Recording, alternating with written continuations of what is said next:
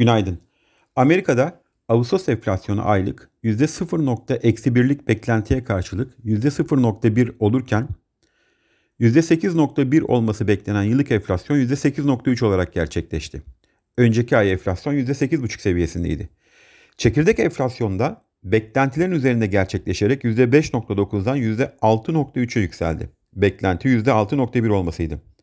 Japonya Merkez Bankası dolar karşısında 24 yılın en düşük seviyelerinde seyreden yen dolayısıyla döviz piyasasında faiz kontrolü gerçekleştirdi.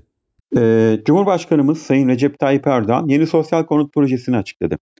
Sanayi üretimimiz Temmuz ayında yıllık bazda %8 olan piyasa beklentisinin altında kalarak %2.4 oranında büyürken aylık bazda Haziran ayında %1.4 olan büyüme Temmuz ayında %6.2 daralmaya döndü.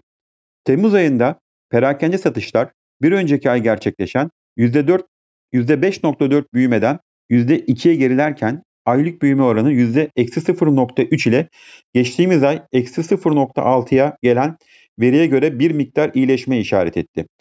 Borsa İstanbul'da bugün BIST 50 endeksindeki paylar için açığa satışta yukarı adım kuralının uygulayacağı duyuruldu. Bugün yurt içinde önemli bir veri akışı bulunmuyor. Yurt dışında ise Amerika'da üretici fiyat endeksi ve İngiltere'de tüfe verileri takip edilecek. Bu sabah Asya endeksleri satıcılı, Amerika'da vadeli endeksler ise yatay işlem görüyor. Borsa İstanbul'da negatif bir başlangıç öngörüyoruz. İyi günler, bereketli kazançlar.